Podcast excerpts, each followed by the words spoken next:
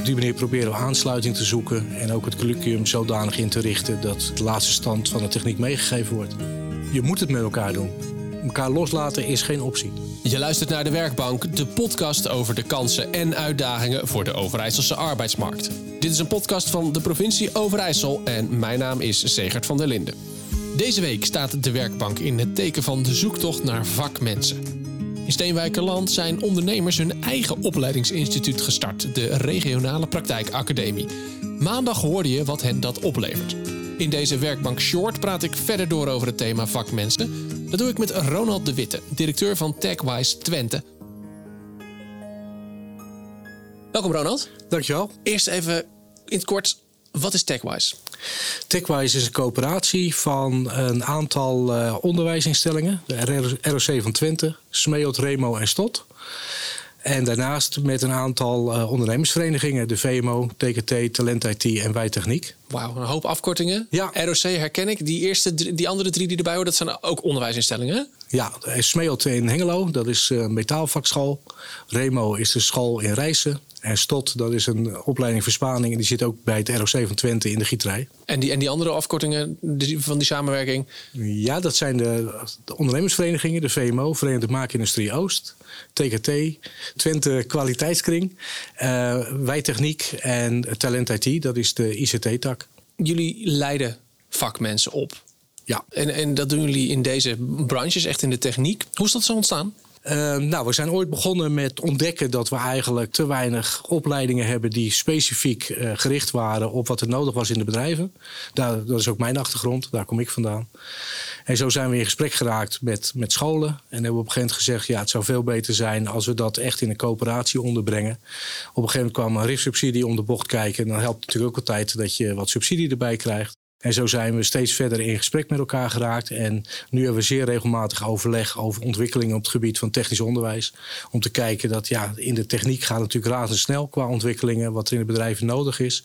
Op die manier proberen we aansluiting te zoeken en ook het curriculum zodanig in te richten dat ja, de laatste stand van de techniek meegegeven wordt. Want jij komt dus zelf uit het bedrijfsleven, hoor ik ja, even zeggen. Ja.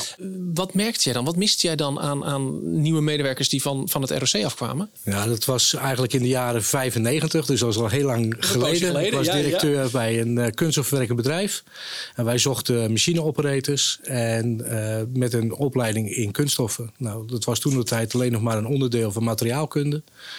En toen ben ik op zoek gegaan van ja, hoe leiden we nou die operators echt op om aan die extrusielijnen te staan. Nou, zo ben ik in gesprek geraakt met Stot. En nou, van het een komt het ander. Uh, Bono kwam nog om de hoek in Hardenberg. Nou, ik zal je niet vermoeien met dat hele, hele traject. Nee, heel goed. Maar in de, vanuit die optiek is het dus zeg maar al jarenlang overleg tussen uh, bedrijfsleven en uh, de scholen. Jullie zijn dus echt gestart met als doel van wij willen die opleidingen beter aan laten sluiten op de praktijk. En daarom betrekken jullie ook dat bedrijfsleven zo intensief. In, in, in die opzicht zie ik ook wel wat overeenkomsten tussen TechWise en, en, en, de RPA, die nauwe samenwerking. Hoe ziet dat eruit bij jullie? Je zegt je regelmatig overleg. Wat bespreken jullie dan? Nou, we hebben het onder andere over uh, de inzet van medewerkers, studenten, wat hun resultaten zijn binnen de bedrijven, wat er teruggekoppeld wordt. We hebben natuurlijk praktijkbegeleiders, daar kijken we erg naar. Daarnaast hebben we heel intensief contact met de praktijkopleiders die in het bedrijf zelf zitten. daar hebben we ook trainingen voor. Dat helpen van ja, hoe ga je nou met studenten om? Hoe doe je dat? Uh, dus ja, proberen op die manier heel intensief ook te kijken van als iemand, uh, ik noem maar een cursus lasten organiseert, dat niet andere scholen dat ook gaan doen. Ja, ja. Maar dat die nou juist dat andere stukje oppakken. Dus dat we ook een beetje de capaciteit uh, verdelen, dat we ja, focus aanbrengen. Ja. Ik zie direct een hele duidelijk voordeel van zo'n samenwerking? Want je zegt al, nou ja, de, de praktijk sluit aan op het onderwijs. Ja. Wat zijn er de uitdagingen die komen kijken als je zo'n samenwerking wil opzetten? Ja, dat, dat is ook wel heel leuk. Ja, dat geloof ik. Dat heeft, dat, ja, maar dat is, dat is niet van de mens afhankelijk. Uh, want je ziet dat die docenten echt hartstikke gemotiveerd zijn om mensen op te leiden en, en ook met de bedrijven mee te doen. Uh, waar vooral de uitdaging zit, is de hele financieringsstructuur. Oké, okay, ja. alle scholen zijn op een andere manier gefinancierd. Een vanuit Den Haag, de andere komt echt vanuit bedrijfsleven. Ja, en dat geeft altijd spanning. Wat je bij de een weghaalt, ja, is de boterham van de ander. Dus ja, dat, dat schiet niet echt op met elkaar. Financieel, daar zit vooral de uitdaging. De willen ze wel, maar ja, soms dat, ja, dat blijft altijd lastig, toch? Hè? Geld, geld is altijd, altijd, de, altijd de drempel ergens. ik weet niet of je te veel hebt, ik zou ik zeggen.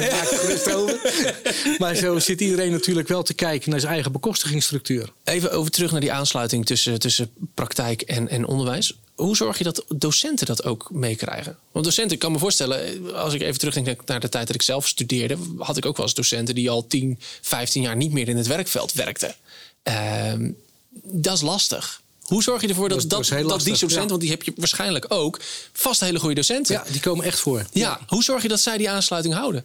Nou, wat wij daarnaast doen is onder andere ook docentenstages organiseren. Dus we proberen docenten ook echt bij een bedrijf een dag of, een aantal keren mee te laten lopen. Ik neem docenten mee naar beurzen, zodat ze ook kennis nemen van de technieken die daar, uh, de, ja, vooral de innovaties uh, zichtbaar zijn. Ik probeer uh, publicaties vanuit het bedrijfsleven mee te nemen. Uh, we proberen uh, studenten, BBL-opleiding, die komen natuurlijk in het bedrijf en die komen terug op school. Ja. Die komen verhalen terug, ja. die komen vragen terug uit de praktijk. Dus ja, dat is ideaal. Op ja. die manier proberen we echt die dingen aan elkaar te knopen. Bedrijven hebben natuurlijk ook allerlei apparatuur, machines staan waar je als, uiteindelijk als student uh, of als je afgestudeerd bent en mee aan, aan de slag gaat. Hoe zorg je ervoor dat je dat soort innovaties, dat je die in je, in je, in je onderwijscurriculum kunt verwerken? Ja, ja, een mooi voorbeeld daarvan is uh, Remo in Rijssen. Remo die heeft uh, de mogelijkheid in een mechatronica-opstelling, een hybride leerwerkplek, dat bedrijven zetten daar hun eigen installaties neer, waar dus zeg maar de BBL-studenten in hun praktijk ook mee werken. En die docenten die zorgen dan voor de juiste theoretische aansluitingen op hun machines.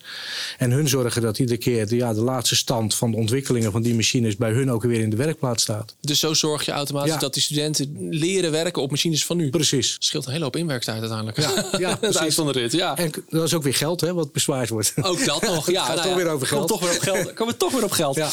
Jullie zijn een, uh, ja, een, een ander soort ROC dan het reguliere ROC. Nee, sorry, ik moet anders zeggen. Jullie zijn een ander soort praktijkopleiding dan, dan een regulier ROC.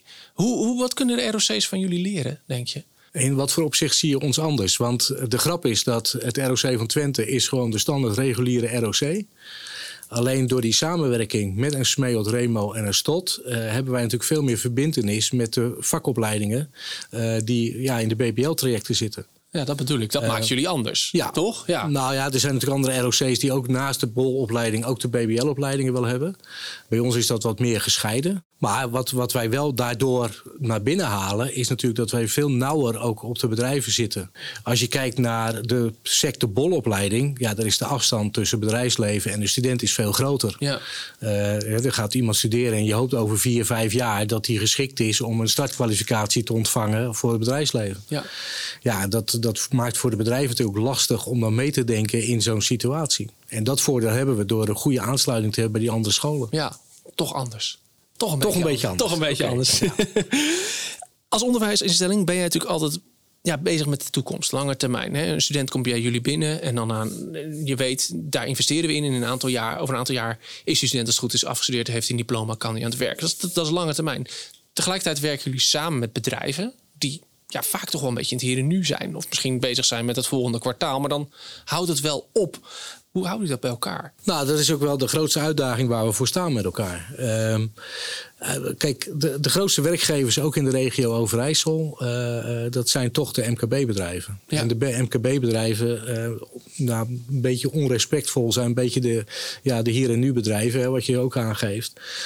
natuurlijk hebben ze wel een langere termijnvisie. Maar bij hun speelt natuurlijk veel sneller als een medewerker uitvalt door ziekte, vervanging en noem maar op. Gewoon omdat de percentages dan veel harder doortellen. Dus wat wij doen is vooral op de langere termijn ook kijken naar de grotere bedrijven om daarmee samen te werken. Maar wel de MKB-bedrijven daarin zoveel mogelijk mee te nemen, te ja. faciliteren. Maar die, ja, je organiseren bijeenkomsten en dan zie je ook altijd dat ja, de kleinere bedrijven het eerst moeten afhaken. Dat willen ze niet, maar gewoon door de omstandigheden moeten ze afhaken. Je ja. moet een planning halen of er is een klant die een vraag heeft of wat dan ook. Ja. Dus hier in de regio, om even een beeld te geven waar, over wat voor formaat bedrijf je het dan mm -hmm. hebt, dan heb je het zeg maar over bedrijven met vier, vijf medewerkers. Ja. Ja, als er dan één iemand ziek is, is 20% van je capaciteit is weg. En hoe kunnen jullie die, dat soort bedrijven dan toch betrokken houden of faciliteren op de een of andere manier? Gelukkig hebben die bedrijven wel vaak ook uh, stageplekken, afstudeerplekken. Dus studenten komen regelmatig over de vloer. We hebben BPV-coördinatoren, dus de, de, stagebegeleiders, de docenten, die dan op een gegeven moment daar gesprekken mee hebben of daar komen.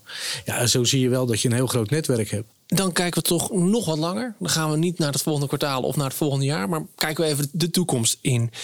Wat zijn nou de kansen voor TechWise in de toekomst? De grote kansen zitten volgens mij op het gebied van automatisering. Ehm, we zien met z'n allen in elke sector dat we enorm veel mensen tekort komen. En volgens mij willen we, als we naar de kapper gaan, door een kapper geknipt worden. En niet door iemand die dat toevallig eens een keer voorbij heeft zien komen. Dus we moeten ook alle sectoren ook wel de mensen gunnen. En ik denk dat juist in de techniek de, ja, de uitdagingen enorm groot zijn, maar ook de kansen enorm groot zijn om met productieautomatisering een hele grote efficiëntieslag te kunnen gaan maken. Nou, dat vraagt nog best wel een hele lange weg. De hele digitalisering, automatisering, zeker binnen de kleinere bedrijven.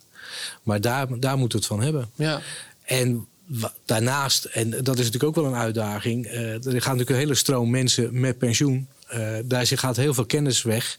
En we zijn nu bezig met een plan voor te bereiden van hoe gaan we nou die bedrijven helpen om die medewerkers waar die kennis zit, uh, om dat op een goede manier uh, af te tappen, om het zo maar te zeggen. Ja, ja, Zodat we ook in, in leven lang ontwikkelen voor de medewerkers die er dan wel werken. Of voor de instroom van nieuwe studenten en zij-instromers, om dat beschikbaar te krijgen. Dus TechWise is nu bezig met een plan samen met Tech Your Future, Tech for Future van Saxion, Windersheim, dat soort scholen, om dat soort dingen op te gaan zetten. Wat goed, ja. Heel even die automatisering erbij pakken. Want dat is natuurlijk ook een vlak waar de ontwikkelingen heel snel op zijn. En dan is het dus ook weer goed voor jullie dat jullie daar zo dicht op zitten. Door die samenwerking met die bedrijven. Daar blijft die ontwikkeling blijft daarin dus heel goed. Jazeker. En, en dat is denk ik het mooie ervan, de samenwerking. Je doet het met elkaar. Je moet het met elkaar doen. Elkaar loslaten is geen optie. Je luisterde naar De Werkbank, een podcast van de provincie Overijssel. Mijn naam is Segert van der Linden en je hoorde mijn gesprek met Ronald de Witte, directeur van TechWise Twente. Over twee weken is de werkbank er weer. Dan hoor je hoe Arnold Messelink met de netwerkmakers mensen aan een netwerk en een baan helpt. Bedankt voor het luisteren en tot de volgende keer.